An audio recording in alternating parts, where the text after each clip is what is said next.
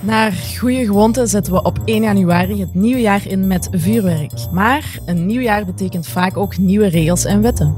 Om duidelijkheid te scheppen in dit kluwen aan veranderingen, leggen we ze voor jou, de luisteraar, vast op de gevoelige plaats. Foto's zeggen meer dan duizend woorden. Een goede foto of bedrijfsreportage kunnen helpen om jouw product of dienst meer tastbaar, toegankelijk en menselijk te maken. Maar zo'n product of dienst komt natuurlijk niet tot stand zonder de nodige financiering. Waar kan je terecht als je niet kan of wil lenen? In de verschillende types die er zijn, komen altijd dezelfde principes terug. Het is een projecteigenaar die je in contact gaat brengen met de funders van zijn project. In equity-based gaat het over aandelen. In lending-based gaat het over een lening. Donation-based gaat eigenlijk de funder niets gaan terugverwachten. In een reward-based crowdfunding gaat eigenlijk de funder een tastbaar voordeel of een beloning vanuit het project van de projecteigenaar terugverwachten in ruil voor zijn funding. Leg je krant aan de kant, zet het journaal even uit, want hier krijg je een relevant en actueel maandoverzicht.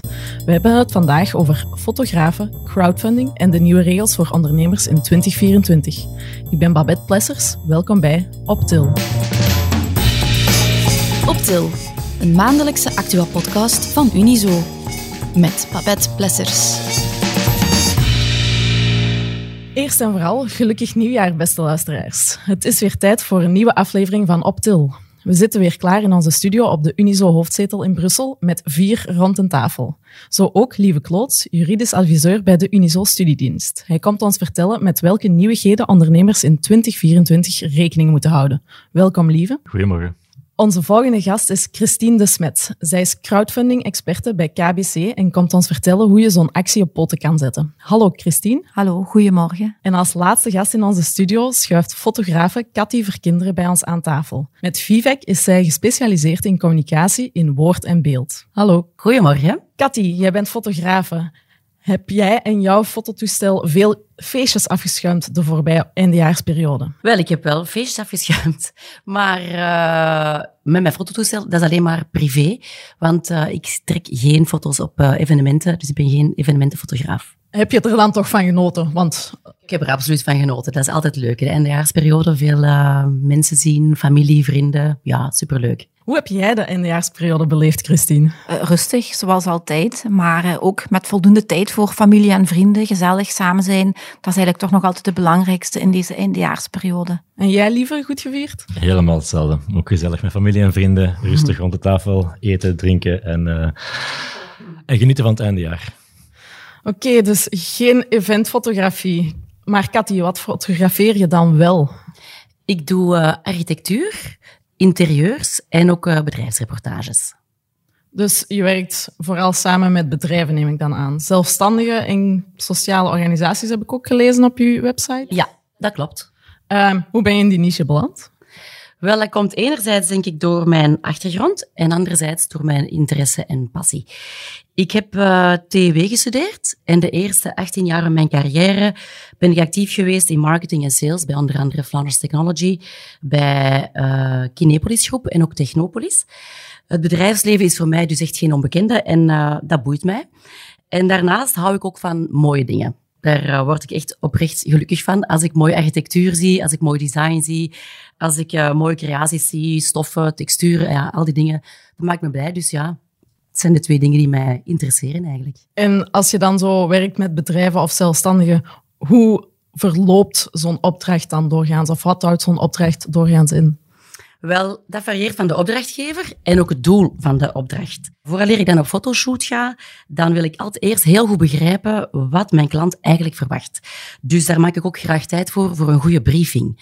Want is het een architect bijvoorbeeld, dan zegt hij, ik wil vooral hebben met foto's voor mijn portfolio of uh, voor de website of sociale media. En dan geeft hij mij inzichten in zijn ontwerp, uh, zijn visie, de inbedding in de omgeving. En dan fotografeer ik het gebouw, aan de buitenkant, maar ook aan de binnenkant, dus ook het interieur. Ook details zijn belangrijk, uh, de afwerking, de gebruikte materialen. En hij ligt mij dat, of zij ligt mij dat dan allemaal toe vooraf. Dus soms zijn er ook speciale lichtinvallen waar ik moet opletten of uh, schaduwspellen, die kunnen ook bepaalde interessante uh, foto's geven. En datzelfde geldt ook voor een interieurarchitect, voor een uh, tuinarchitect, een designer, een leverancier van meubels, verlichting of decoratie. Dus dat is wel belangrijk dat ik daar goed inzicht in heb, uh, voordat ik daarmee start. Als het over bedrijfsreportages gaat, dan gaat het dan voornamelijk over de mensen die in de bedrijven werken. De arbeiders, de medewerkers in actie, terwijl tegelijkertijd ook de context in beeld komt. Dus daar is eigenlijk de focus meer op de mensen en de context is daar gewoon, of het bedrijf is dan meer de context. En ik vind het super tof om uh, in al die verschillende omgevingen te kunnen werken. Ik kom op heel veel verschillende plekken, mooie locaties ook vaak. En als het op uh, werkomgevingen gaat, is het ook bij ja, dat gaat over heel uiteenlopende contexten eigenlijk. Hè. Uh, dat kunnen architecten uiteraard, maar ook boekhoudkantoren, recruiters, softwarebedrijven, productieomgevingen, allerlei eigenlijk. Christine, hebben jullie al eens zo'n fotograaf zoals uh, Cathy uitgenodigd om kiekjes te maken op het kantoor?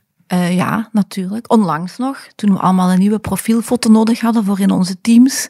Op den duur verander je toch wel. En is zo'n update van een profielfoto toch wel eens, nodig. Ook van het ganse team hebben we ook al uh, foto's laten maken. Dus ja, nee, dat doen we wel soms. Doe je dat dus ook zo, uh, LinkedIn profielfoto's maken voor ondernemers? Ja, uiteraard. Daar ga ik uh, met mijn materiaal naar de bedrijven toe. En dan uh, maak ik foto's. Dan kijken we eerst samen naar een leuke plek op een kantoor of uh, buiten, eender waar. Om een mooie foto te maken. En wat leuk is, we kunnen door de nieuwe technologie ook tegelijkertijd al zien op een iPad wat het resultaat is. En dan blijven we eigenlijk fotograferen tot het goed zit. En soms is dat van de eerste keer de bonk op. Maar soms kan het ook een tijdje langer duren voordat we de goede profielfoto hebben. Hoe zou je zo'n bedrijfs reportage aanpakken als je naar KBC of hier bij Unizo, als wij bij jou zouden aankloppen? Wel, dan ga ik ook natuurlijk eerst eens vragen van, wat is de doelstelling van de foto's? Gaat het hier over jullie employer branding bijvoorbeeld? Laat dan de mensen zien in hun werkomgeving. Laat zien dat ze hun job leuk vinden. Dat het een mooi kantoor is met ook gezellige plekken om samen te werken, te brainstormen.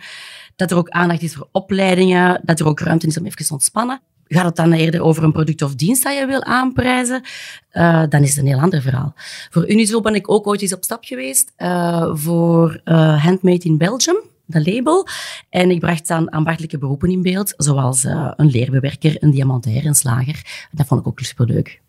Ja, dan mag je bij de ondernemers binnengaan en zien wat ze doen. Ja, inderdaad. En dan laten ze mij echt altijd met heel veel trots ook zien waar ze mee bezig zijn. En dan uh, is het superleuk om dat ook uh, te belichten. Ja, en in beeld te brengen. In beeld te brengen, inderdaad. Voilà. Lieve, heb jij een professionele profielfoto laten maken voor op jouw LinkedIn-profiel?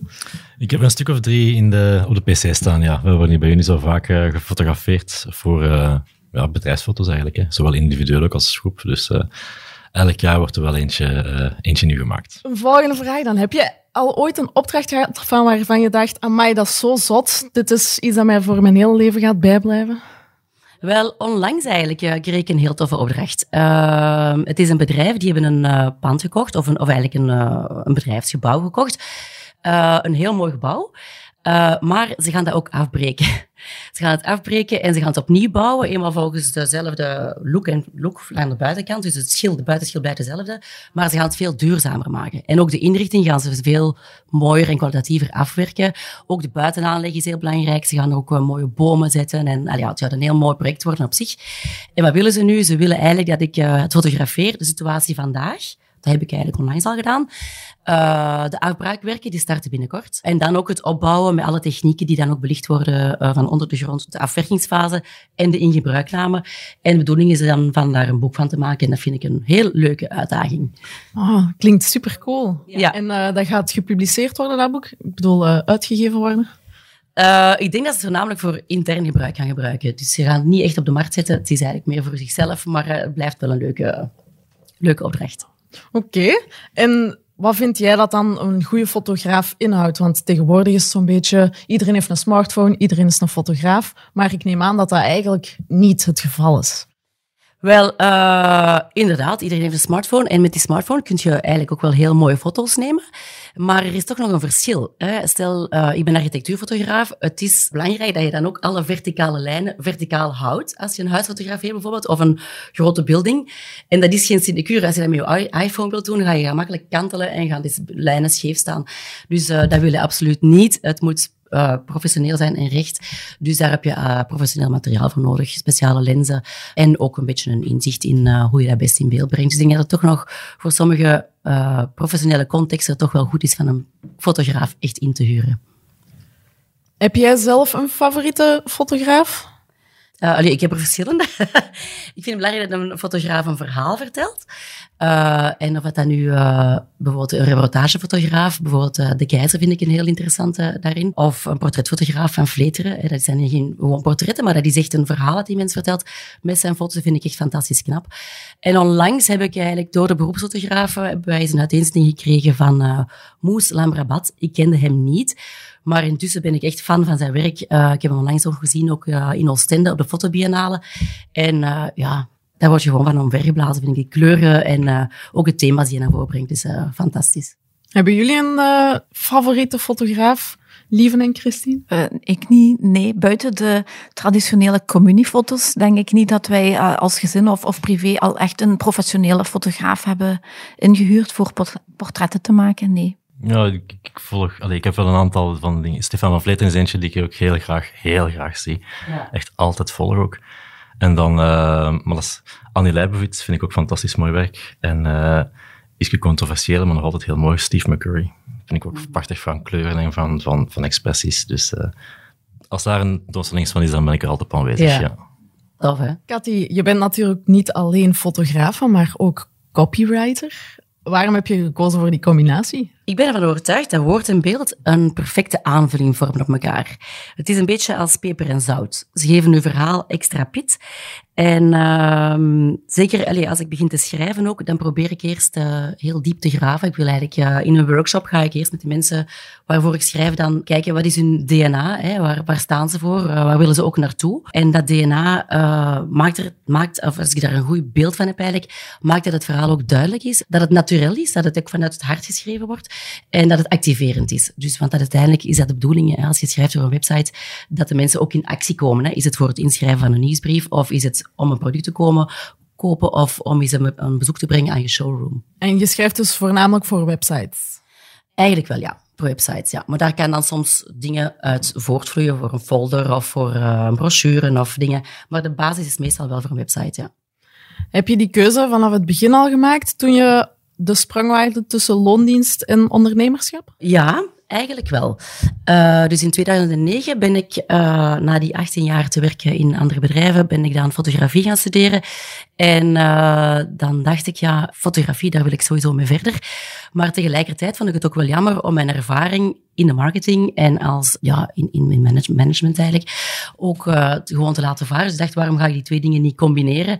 En de dingen die ik graag doe en ook mijn skills tegelijkertijd inzetten in een zelfstandig bedrijf. En waarom heb je de sprong gemaakt tussen loondienst en ondernemerschap? Is dat echt puur omdat je wou verder gaan met die fotografie? Of was er ook van, ja, eigenlijk liever voor mezelf werken? Of uh, een andere ja, reden? Het klopt, het klopt eigenlijk op die moment uh, gewoon in mijn carrière en ook uh, in ons gezinsleven. En ik had er eigenlijk gewoon echt goed zien. Dat is de beste reden, denk ik dan. Hoe vind jij je klant of vinden zij jou? Wel, het meest gebeurt gewoon via word of mouth. Allee, gewoon uh, via via eigenlijk. Van het ene komt het andere. Sociale media zijn belangrijk. Uh, LinkedIn, Instagram zijn voor mij ook zeer belangrijk. En soms ook moet je gewoon uit je kot komen hè, en naar een evenement gaan. onlangs bijvoorbeeld ben ik bij het topseminar van Unizo geweest. Wel, en vorige week had ik mijn eerste opdracht al vanuit, dat, uh, vanuit een nieuw contact dat ik daar gemaakt had. Dus uh, dat is wel leuk. Dat klinkt als het perfecte voorbeeld van wat Unizo doet. Hè? Ja. Ondernemers versterken op alle manieren. Verkoop jij ook foto's of doe je echt, zoals bijvoorbeeld in een galerij foto's verkopen, niet puur voor de bedrijfsreportages? Nee, dat doe ik niet. Ik heb het wel eens één keer gedaan. Dat was uh, een vriendin van mij, die uh, ging naar Afrika fietsen voor het goede doel en uh, die moest geld inzamelen en die vroeg uh, aan mij wil je niet een tentoonstelling organiseren en dan doen we een stuk van de opbrengst voor het goede doel, samen met een aantal andere creatieve beroepen. En in het begin dacht ik van, oei oei, dat lijkt mij toch wel wat moeilijk. uh, maar dan ben ik toch eens een beetje gaan duiken in mijn eigen persoonlijk werk en ik zei, oké, ja, ik ga me eraan wagen. Het was buiten mijn comfortzone, maar eigenlijk ben ik heel blij dat ik het gedaan heb, want ik heb er toch wel heel wat verkocht. En ja, maar het was ook maar eenmalig hoor. Wie, allee, wie weet, wie weet, weet ooit nog eens. Maar, uh, voor later. Voor later, ja. Heb je er al over nagedacht om samen te werken met influencers? Want dat zijn eigenlijk ook een soort ondernemers. Of ligt dat niet binnen uw uh, interesseveld? Nee, niet echt eigenlijk. Ik denk ook niet dat dat voor mijn niche echt uh, aan toepassing is. En dan vroeg ik mij ook nog af, omdat je ook copywriter bent, heb je zelf al moeilijkheden ondervonden of concurrentie ondervonden van bijvoorbeeld ChatGPT of andere AI-tools? Niet direct. Uh, ik gebruik zelf uh, ChatGPT. Oh, dat is altijd zo moeilijk om uit te spreken. Hè? Uh, ChatGPT om mij te helpen, soms om inspiratie te geven rond bepaalde thema's. En AI sowieso ehm, in de fotografie wordt ook gebruikt. Hè? Maar ik heb er zelf nog niet echt concurrentie van ondervonden momenteel. Hoe gebruik je dat dan in de fotografie? Of ja, uiteindelijk, de programma's gebruiken AI. Hè? Photoshop gebruikt AI. Uh, uw fototoestel zelf gebruikt al AI. Uh, dus ja, het is gewoon al tegenwoordig, denk ik. Uh, het wordt overal geïntegreerd. Ja.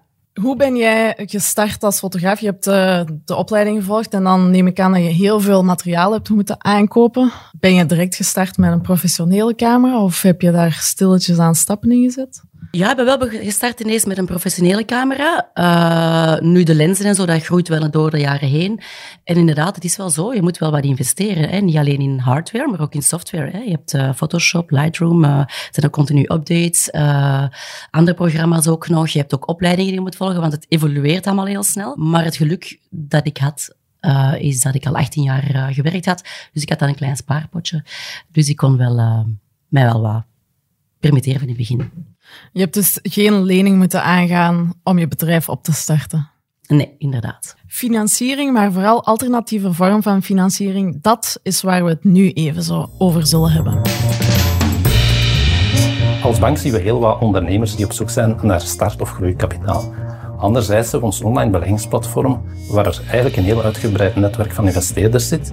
Maar die investeerders kunnen vandaag eigenlijk voornamelijk of alleen investeren in beursgenoteerde bedrijven. Nu is het wel zo dat er een aantal van hen op zoek zijn naar investeringen in jonge dynamische bedrijven.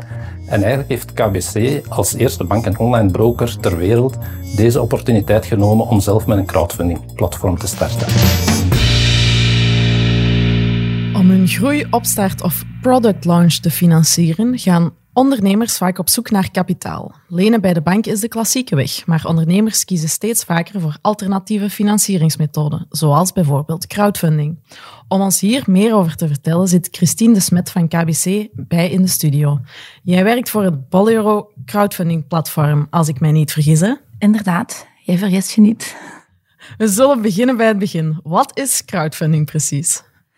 Ja, een goede vraag al om, om mee te starten. Want crowdfunding is eigenlijk een verzamelnaam van verschillende soorten crowdfunding. Je vindt crowdfunding acties zoals bijvoorbeeld de warmste week afgelopen uh, paar weken die we kenden. Of je hebt op Facebook wat crowdfunding uh, acties.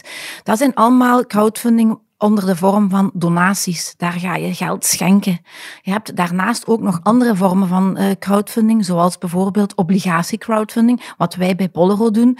En dan is het niet de bedoeling dat je als investeerder geld schenkt, maar dan verwacht je ook een return in de plaats. Dat noemen we ook financiële crowdfunding. En uh, wat wij bij Bolero uh, aanbieden, dat zijn effectief die crowdfunding onder de vorm van een obligatielening. Het eerste waar ik dus aan denk is investeren in een product en in ruil voor die investering een product thuisgeleverd krijgen. Maar dat is dus eigenlijk niet wat jullie doen. Dat is niet wat wij doen, nee, maar er bestaan natuurlijk wel uh, platformen die dat wel doen. Bijvoorbeeld Kickstarter is zo'n platform, daar kan je als eerste een product in voorverkoop uh, kopen en dan uh, na een periode geleverd krijgen. Zij willen dan eigenlijk op die manier startkapitaal hebben om in productie te gaan met dat nieuwe product.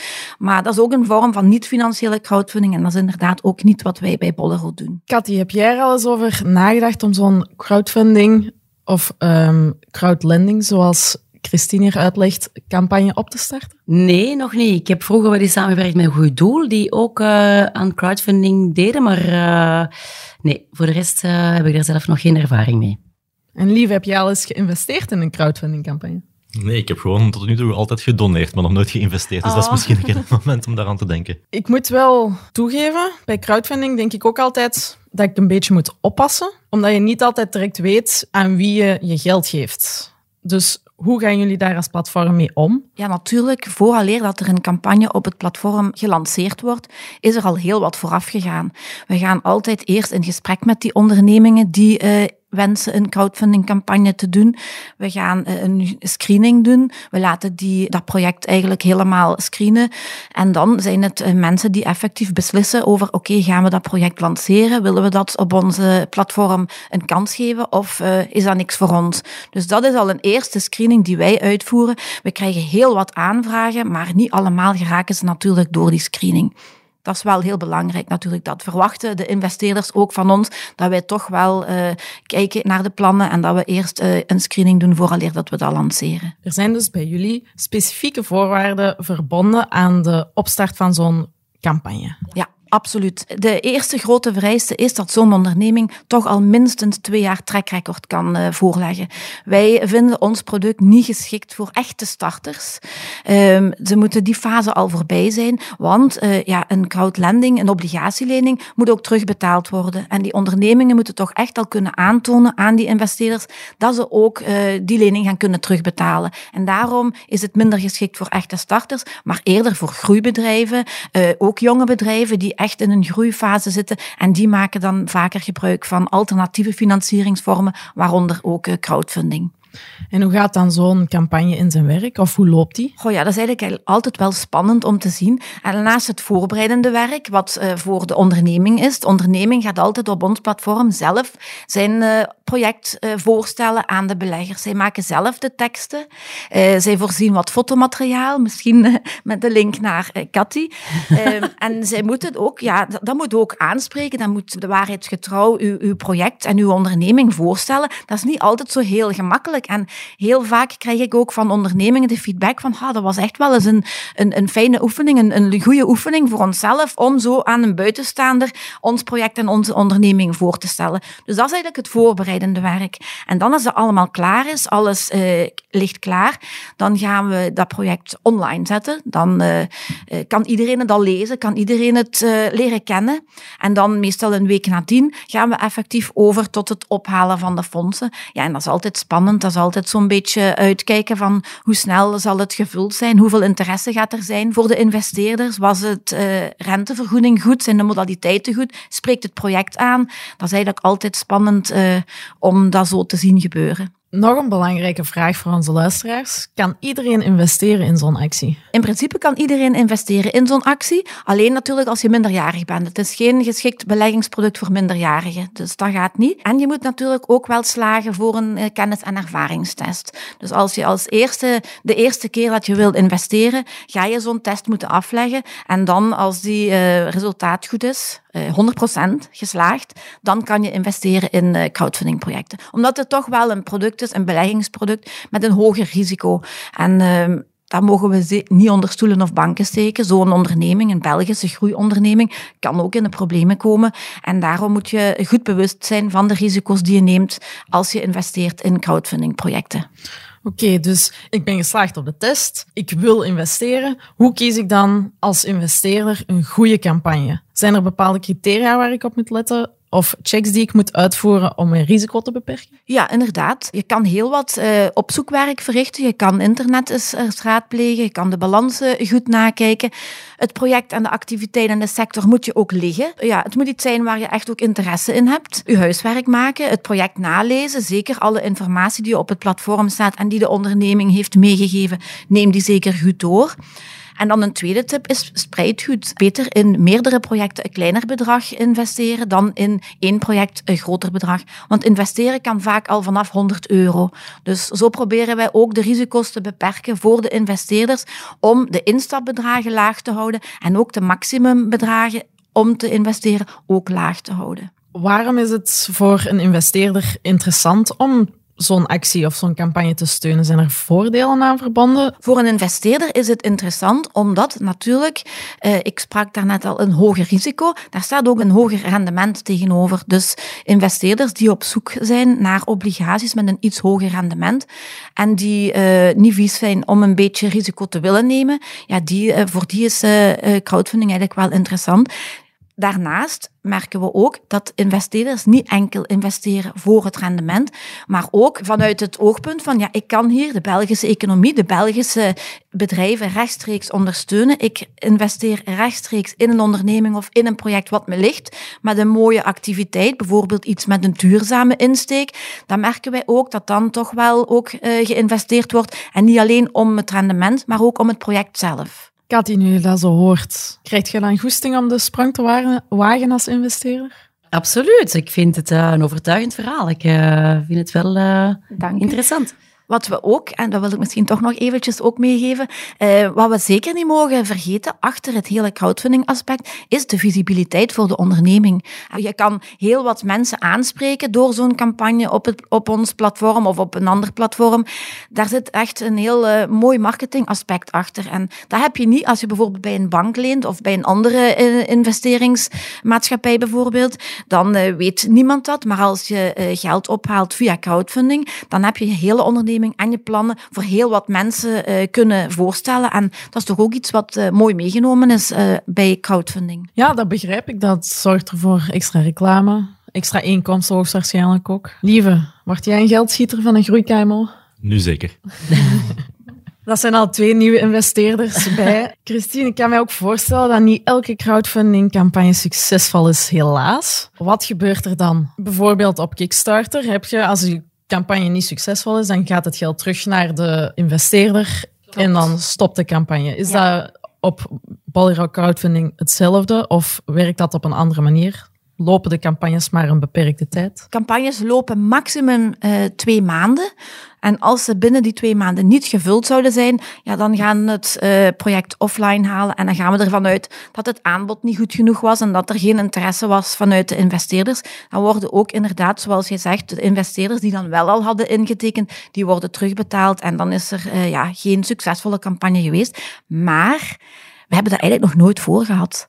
Alle projecten die wij gelanceerd hebben op ons platform, die zijn allemaal succesvol geweest. Daar zijn we er altijd in 100% van de gevallen in geslaagd om het beoogde bedrag op te halen voor die onderneming. Amai, super cool. Ja. En proficiat aan die bedrijven natuurlijk ook, want dat betekent dat ze iets goed hebben gedaan. Hè? Ze hadden waarschijnlijk een mooi aanbod, een mooi project en uh, hebben het op die manier goed uh, kunnen gevuld krijgen. Misschien nog een pijnlijke vraag. Wat gebeurt er als het bedrijf over kop gaat voor de obligatie is terugbetaald? Ja, inderdaad. Uh, dat kan zich ook voordoen. Een obligatielening is een achtergestelde lening. Dat wil zeggen, obligatiehouders die komen achteraan in de rij, net voor de aandeelhouders, om bijvoorbeeld bij een faillissement nog iets te kunnen recupereren van hun schuld. En ja, in uh, bijna 100% van de gevallen is er niks meer te recupereren. Dus als investeerder weet je van oké, als het misloopt en het uh, bedrijf gaat failliet, dan ben je in veel gevallen ook de inleg en het kapitaal kwijt dat je geïnvesteerd hebt. Dat is ook iets waar je rekening moet mee houden. Dat klopt.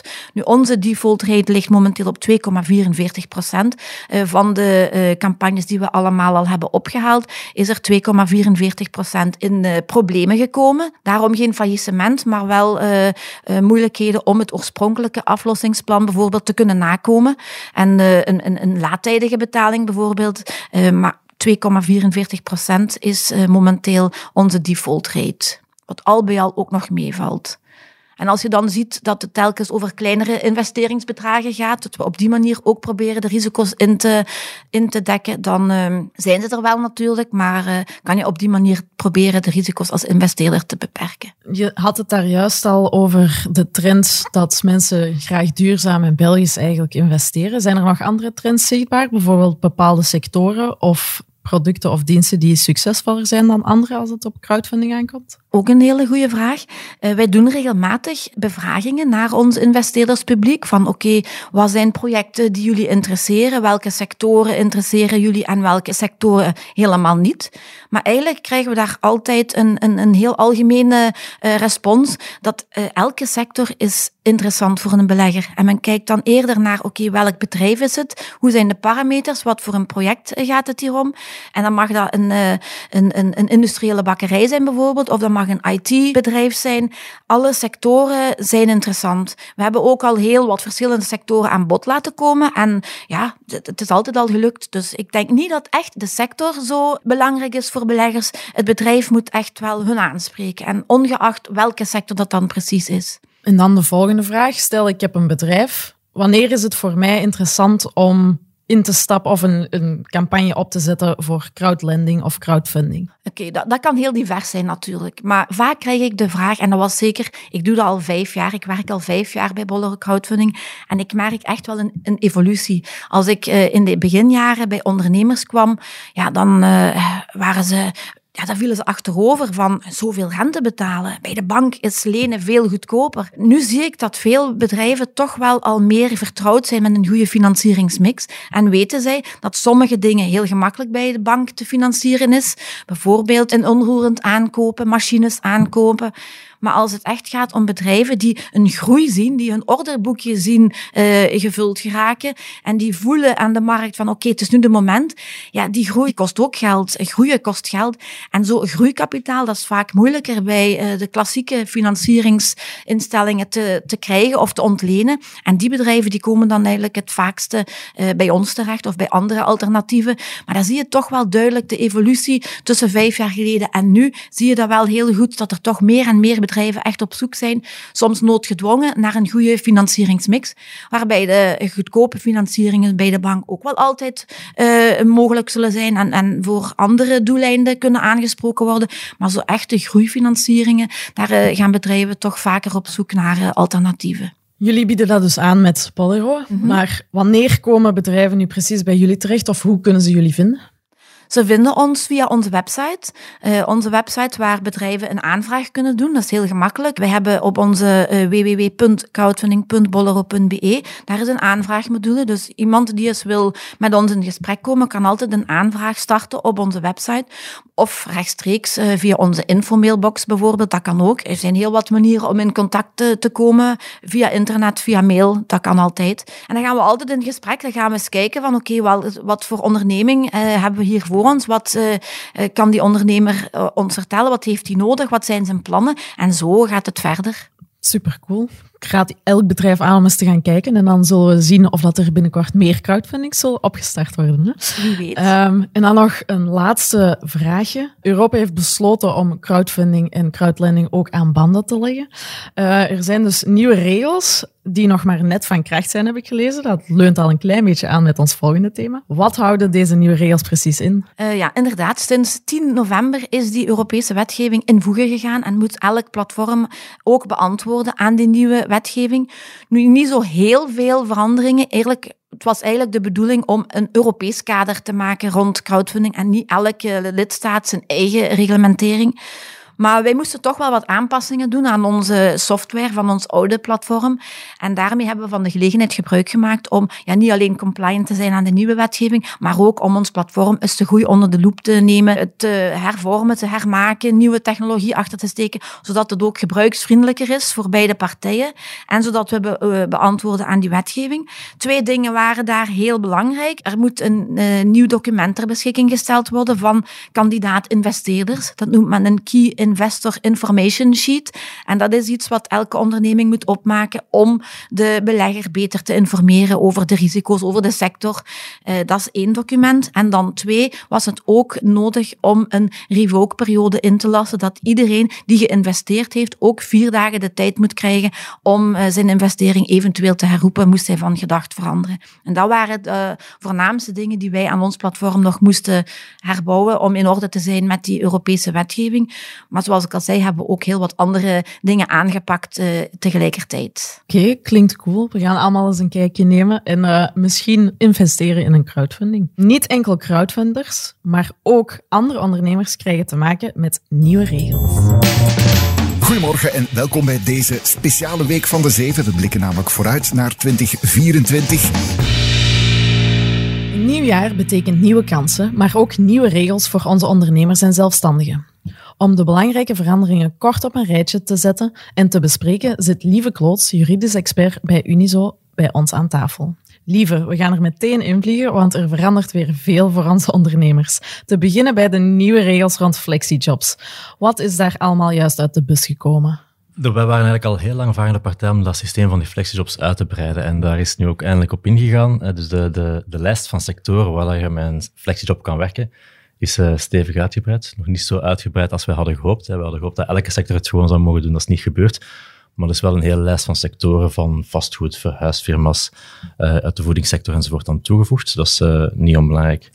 Tegelijkertijd is ook wel uh, een aanpassing gebeurd aan de voorwaarden om een flexiejob te kunnen inzetten. Dat is iets strenger geworden. Hè. Dus er is bijvoorbeeld een plafond ingevoerd van maximum 12.000 euro dat je als flexijobber, als niet gepensioneerde flexijobber, mag verdienen op een jaarbasis. En ze gaan ook een tool ontwikkelen om ervoor te zorgen dat je dat kan opvolgen, zodat je zeker bent dat je er niet over zit. En ook voor de werkgevers, de werkgevers die flexijobbers te wegstellen, zullen iets meer moeten betalen. Dus als werkgever betaal je een, uh, een werkgeversbijdrage, die bedraagt vandaag 25% en zal nu opgetrokken worden naar 28%. Oké, okay, Christine, heb jij een flexiejob? Ik zelf niet, maar mijn echtgenoot wel. En wat doet hij dan? Oh, hij werkt bij een grote cateraar en hij vindt dat leuk. Oké. Okay. Hij doet dat echt omdat hij dat leuk vindt. Ja. En in de wintermaanden ja, is het ook al rap donker, winter tijd om in de tuin bezig te zijn. En dan eh, zoekt hij toch wel echt zoiets om een extra bezigheid te hebben. Oké, okay, cool. En jij, lieve? Flexiejob? Ik heb meer dan genoeg werk bij Unizo, dus uh, voor flexiejob is er helaas geen tijd. Katja, als je de kans zou hebben, zou je een flexiejob doen? Voorlopig niet, denk ik. Maar ik denk dat het wel leuk is als je gepensioneerd bent of zo, dat je dat uh, kan doen. Denk dat, ik vind dat wel een leuke uh, aanvulling op, uh, op je dagelijkse activiteiten. Dat denk ik wel. Dat lijkt mij ook wel iets als gepensioneerde om je tijd te vullen met een flexiejob lijkt me inderdaad ook nog wel een goed plan. Um, er zijn ook verschillende veranderingen op til voor ondernemers die vast personeel in dienst hebben, heb ik gelezen. Ik heb gehoord dat er nieuwe regels zijn voor werknemers die ziek worden tijdens hun vakantieleven. Ja, dat was altijd al een gevoelig thema. Hè. Als er iemand ziek wordt tijdens zijn vakantie of tijdens haar vakantie, wat moet dan met die vakantiedagen gebeuren? Wel vanaf uh, dit jaar eigenlijk, hè. dus sinds begin van dit jaar is het zo dat je als uh, werknemer, wanneer dat je ziek wordt op vakantie, dan ja, dan wordt dat gewoon gezien als ziektedagen. Dus dan kun je die vakantiedagen recupereren. Er zijn wel twee voorwaarden aan. Je moet eerst en vooral uiteraard een medische test voorleggen waaruit blijkt dat je effectief ziek waart. En daarnaast moet je natuurlijk ook je werkgever zo snel mogelijk op de hoogte brengen. En moet je heel duidelijk aangeven van, kijk, ik wil graag die uh, ziektedagen of die vakantiedagen recupereren op een later moment. En als je dat niet doet, dan verliest je dat wel. Maar als je aan die voorwaarden houdt, dan kun je dus je vakantiedagen recupereren wanneer je ziek wordt op reis. En dan nog een andere verandering voor werkgevers. Om langdurig arbeidsongeschikte werknemers weer aan de slag te krijgen, zijn er maatregelen genomen. Heb ik het goed begrepen dat er een nieuwe werkhervattingspremie voor werkgevers is bij tewerkstelling van arbeidsongeschikte werknemers? Dat klopt. Het is inderdaad een hele mond vol, maar het komt eigenlijk heel eenvoudig op neer dat mensen die al lang afwezig zijn van het werk, en we spreken over mensen die meer dan één jaar afwezig zijn geweest om gelijk welke reden en die terug willen starten, um, dat je daar als werkgever eigenlijk een premie voor kunt krijgen of een, ja, een vergoeding kunt krijgen van maximum 1000 euro om die werkhervatting te faciliteren, laten we maar zeggen. En dat geldt niet alleen voor mensen die al bij u werkten en die na een jaar afwezigheid willen terugkomen, dat geldt ook voor mensen die je wilt aanwerven en die langer dan een jaar afwezig zijn geweest van de arbeidsmarkt. Dus in beide gevallen kunt je die premie aanvragen met als bedoeling om die mensen gemakkelijker terug uh, in het arbeidscircuit te krijgen. Oké, okay, en dat is een grote verandering. Heeft Unizo deze verandering aangemoedigd? Ja, we hebben dat zelf heel sterk gevraagd. We zitten al jullie weten misschien ook dat er een, een, een, een regel is, of een, doelstelling is om 80% van de bevolking aan het weg, of van actieve bevolking aan het weg te krijgen. En dat is een van de maatregelen die daar zeker, zeker belangrijk in is. We moeten mensen die lang afwezig zijn geweest, die, die ook die, die voeling om soms heel diverse redenen met de werkvloer wat verloren zijn, om die toch terug aan het weg te krijgen. Maar dat vraagt ook een investering van u als werkgever. Dat is niet zo eenvoudig. Je kunt die niet gewoon op dezelfde manier te wegstellen als nieuwe medewerkers. Dus vandaar was dat een maatregel die we zeker sterk hebben bepleit en die we dus uh, ook uh, verkregen hebben. Oké, okay, en dan nog een andere verandering voor werkgevers. De fietsvergoeding voor woon-werkverkeer. Daar verandert ook iets aan, heb ik begrepen. Die verandering zal iets beperkter zijn, denk ik, voor de meeste van uh, de ondernemers. Maar het is inderdaad zo, dus wanneer je een fietsvergoeding geeft aan je werknemers, uh, wanneer ze met de fiets naar het werk komen, en dan die vergoeding zal opgetrokken worden, of is eigenlijk nu sinds een week opgetrokken, van 0,27 euro per kilometer naar 0,35 euro uh, per kilometer. Maar het is wel zo dat die fietsvergoeding alleen maar uh, geldt in bepaalde cao's. Dus moet sectoraal vastgelegd zijn. Dus niet alle ondernemers zullen daarvan genieten. Ambtenaren genieten daar bijna altijd, altijd van. Um, maar voor, voor werknemers uit de zelfstandige sectoren hangt het een beetje af van welke CAO dat je, uh, onder welke CAO dat je valt. Oké, okay. Christine, ga jij met de fiets naar kantoor? Uh, nee, nope. Maar je bent wel hier te voet, heb ik daar juist vernomen. Uh, ja. Ja, ik, ben, ja, ik kom van Limburg. Ik ben vanmorgen al naar Brussel, hoofdkantoor hier KBC gereden. En dan ben ik daarnet van KBC te voet naar Unizo gewandeld. Dat wel. Ja, het is hier maar om de hoek, dus het zou erg zijn ja. als je met de auto was gekomen, denk Inderdaad. ik. En Cathy, heb jij een werknemer in dienst?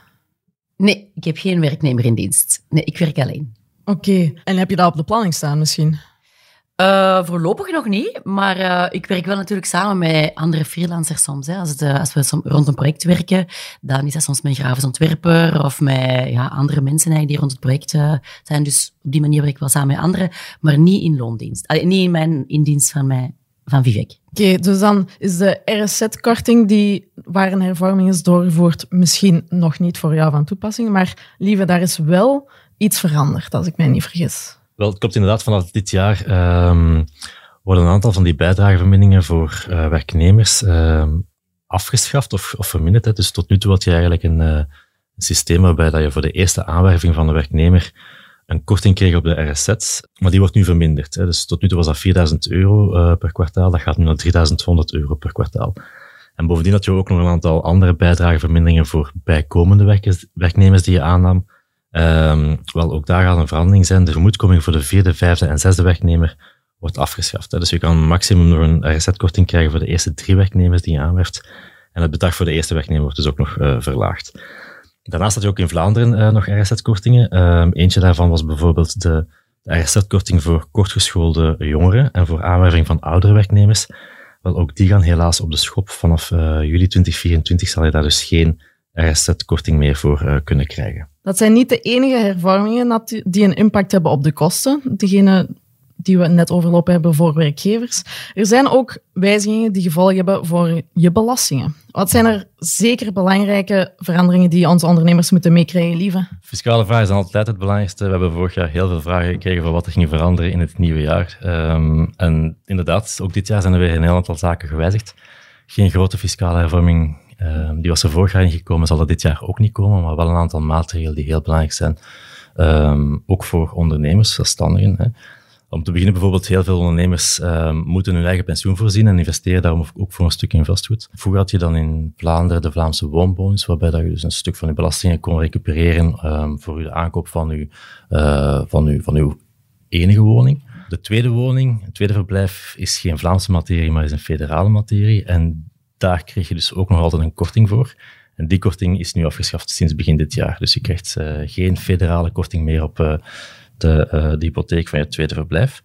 Misschien nog belangrijker, de huur die je betaalt als ondernemer voor het pand, het bedrijfspand wat je huurt. Hè, die kan je inbrengen als belasting, als beroepskost. En je kan dus ook een, een tegemoetkoming krijgen, je kan aftrekken van je belastingen, maar de mogelijkheid om dat af te trekken wordt ook aan banden gelegd. Dus het zal niet meer zo um, eenvoudig zijn als, als in het vorige jaar.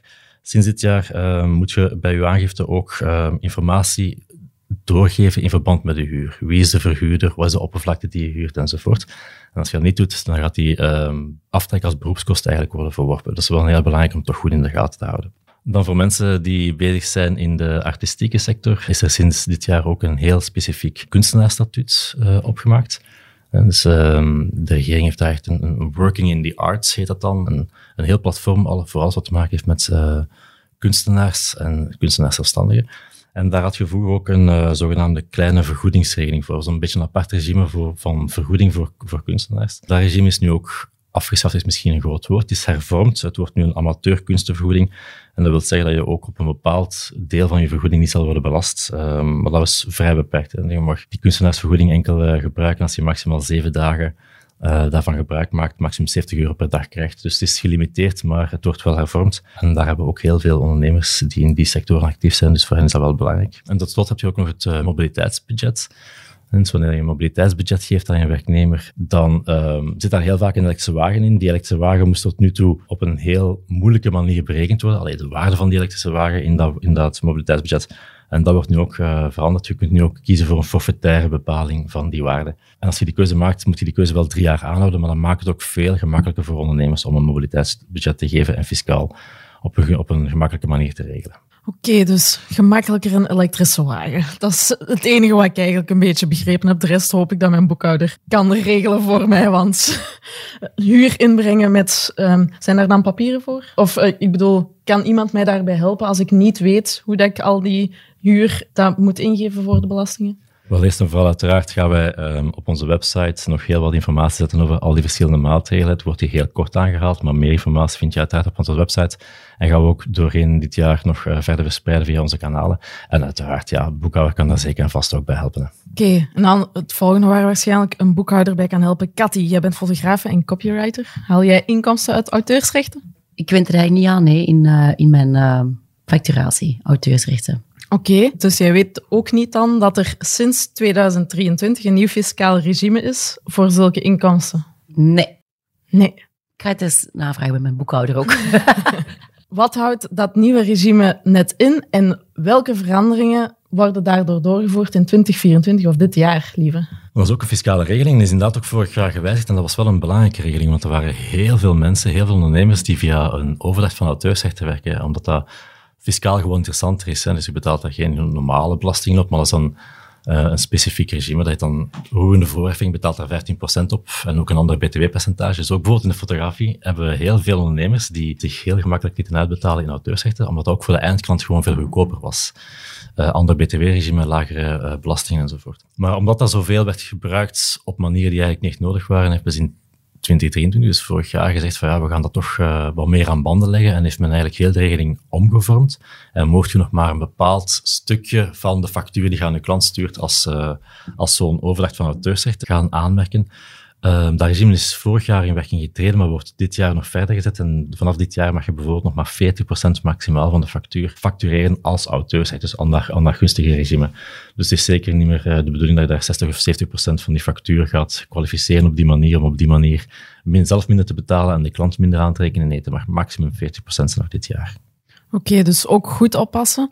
En als je daar meer informatie over wilt, kan je dat ook nalezen op onze website. Zeker en vast. En dan komt er nog een hele moeilijke, of toch voor mij. Er komt een ketenaansprakelijkheid bij economische migratie. Zeg ik dat goed zo? En vooral, wat betekent het eigenlijk voor onze ondernemer? Het is weer een hele mond vol. Hè. Net zoals in de fiscaliteit en de sociale, ze maken het graag moeilijk in bij, de, bij de wetgever. Het idee van binnen de Europese Unie is wanneer je mensen van buiten de Europese Unie teweegstelt in een bepaalde lidstaat en die, die verblijven daar wettig, dan moeten die eigenlijk ook wettig kunnen werken en verblijven in andere lidstaten. Dus dat wil zeggen, een aannemer die bijvoorbeeld iemand vanuit, van buiten de Europese Unie teweegstelt in, in Duitsland, wel, die persoon moet hier ook kunnen komen werken onder dezelfde voorwaarden en zonder dat hij hier een nieuwe werkvergunning of verblijfsvergunning of wat dan ook moet gaan aanvragen. Dat is een heel goed systeem, maar dat zorgt natuurlijk ook voor misbruiken. Hè. Je kunt u inbeelden dat er heel vaak uh, schijnende gevallen naar boven komen.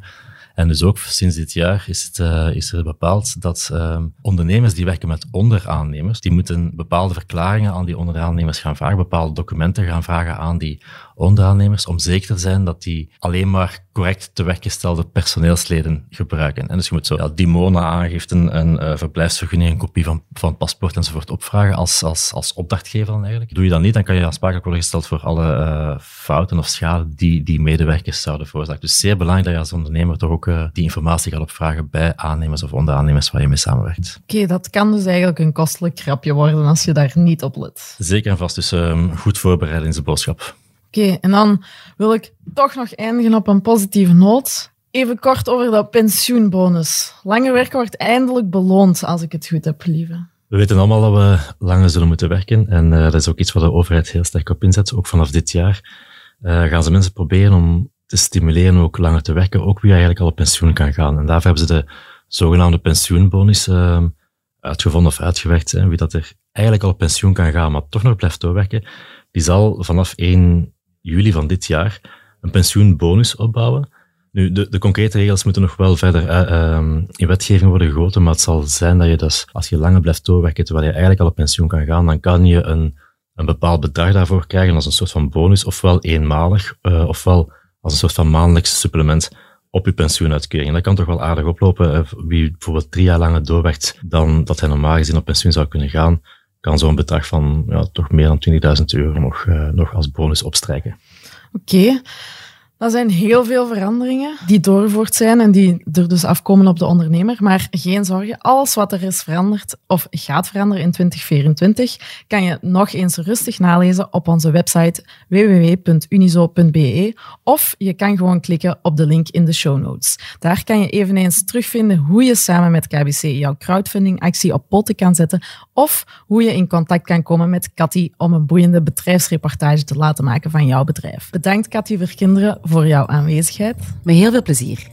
Ook een dikke merci aan Christine de Smet om ons de ins en outs van crowdfunding uit de doeken te komen doen. Heel graag gedaan. En dankjewel lieve Kloots om al die technische veranderingen zo begrijpelijk uit te leggen. Eveneens met heel veel plezier. En last but not least, jij bedankt om te luisteren naar de eerste aflevering van Optil in 2024. Een maandelijkse podcast van Unizo waar we met vier rond een tafel zitten en het hebben over actuele thema's. Volgende maand maakt onze nieuwe presentatrice, mijn collega Keana van Houtegem, haar debuut hier bij Optil. Zij zat vandaag voor het eerst aan de knoppen en zal je volgende maand informeren over drie nieuwe topics. Ben je in de tussentijd benieuwd met welke topics Unizo allemaal bezig is? Volg ons dan op sociale media of surf naar www.unizo.be. Daar kan je als ondernemer trouwens ook lid worden, mocht je dat nog niet hebben gedaan. En mocht je een thema hebben dat je graag eens behandeld ziet worden in deze podcast, dan kan je dat delen via podcast.unizo.be. Heel fijn dat je bij ons was en graag tot een volgende Optil. Optil, een maandelijkse actua-podcast van Unizo. Genoot je van deze podcast? Vergeet dan niet om een review achter te laten en hem op Til te delen met vrienden en familie. Dankjewel voor het luisteren. Heel graag tot volgende maand.